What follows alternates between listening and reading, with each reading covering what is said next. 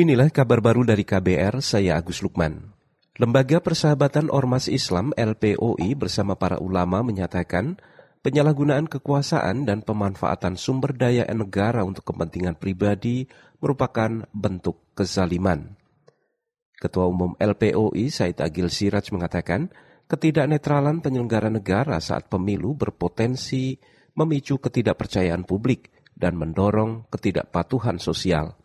Ini dituangkan dalam petisi ulama untuk demokrasi dan keadilan sosial yang dikeluarkan menjelang hari pemungutan suara 2024. Pemihakan dan intervensi oknum penyelenggara negara dalam Pilpres 2024 telah menyeret pada kondisi kebangsaan yang prihatinkan yang disinyalir, disinyalir mulai bergerak menuju ketidakteraturan sosial dan mengarah pada ketidakpatuhan sosial dan berpotensi chaos. Masyarakat membutuhkan kepastian hukum, pelindungan dan rasa aman dan nyaman. Pembiaran terhadap kondisi tersebut akan berdampak sistemik terhadap masa depan demokrasi dan masa depan keadilan sosial di Indonesia.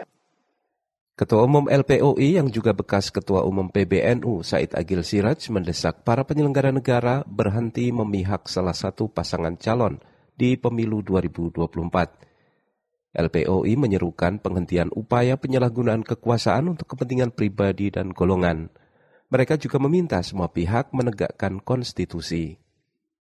Beralih ke informasi lain, Kementerian Kesehatan menargetkan 95 persen anak-anak di Indonesia harus sudah diimunisasi. Direktur Jenderal Pencegahan dan Pengendalian Penyakit di Kementerian Kesehatan, Maksi Ren Rondonungu, mengatakan untuk mencapai target itu, Kementerian Kesehatan bakal menambah jumlah vaksin dalam imunisasi rutin dari semula 11 jenis menjadi 14 jenis. Maksi menjelaskan penambahan jumlah vaksin itu selaras dengan program utama Kementerian Kesehatan, yaitu transformasi kesehatan dalam akses layanan primer.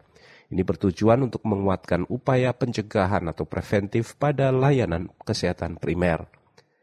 Tiga vaksin tambahan itu adalah vaksin HPV untuk penyakit kanker, vaksin PCV untuk penyakit pneumonia, dan rotavirus vaksin untuk penyakit diare.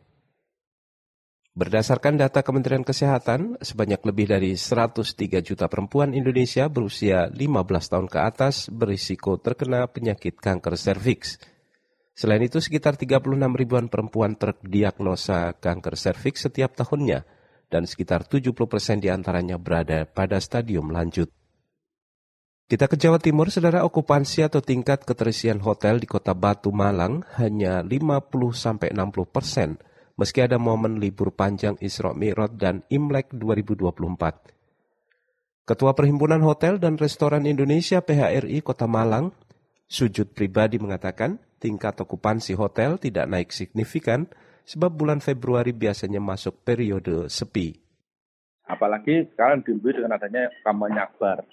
Orang berpikir juga untuk keluar-keluar di saat seperti ini. Takutnya jalanan macet, ada konvoy, seragam kampanye, apa seperti itu. Andainya ini gajah minggu tenang, atau setelah toko weekend ini setelah setelah coblosan, insya Allah lebih lebih lebih bagus. Tapi tetap aja, KPK setinggi setinggi bulan-bulan Januari awal ataupun Desember ataupun di bulan Mei Juni sulit menanyamai itu.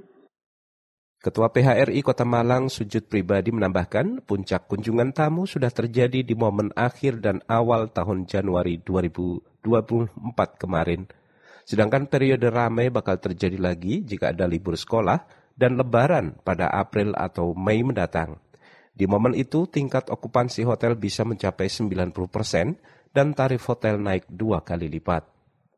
Demikian kabar baru dari KBR, saya Agus Lukman.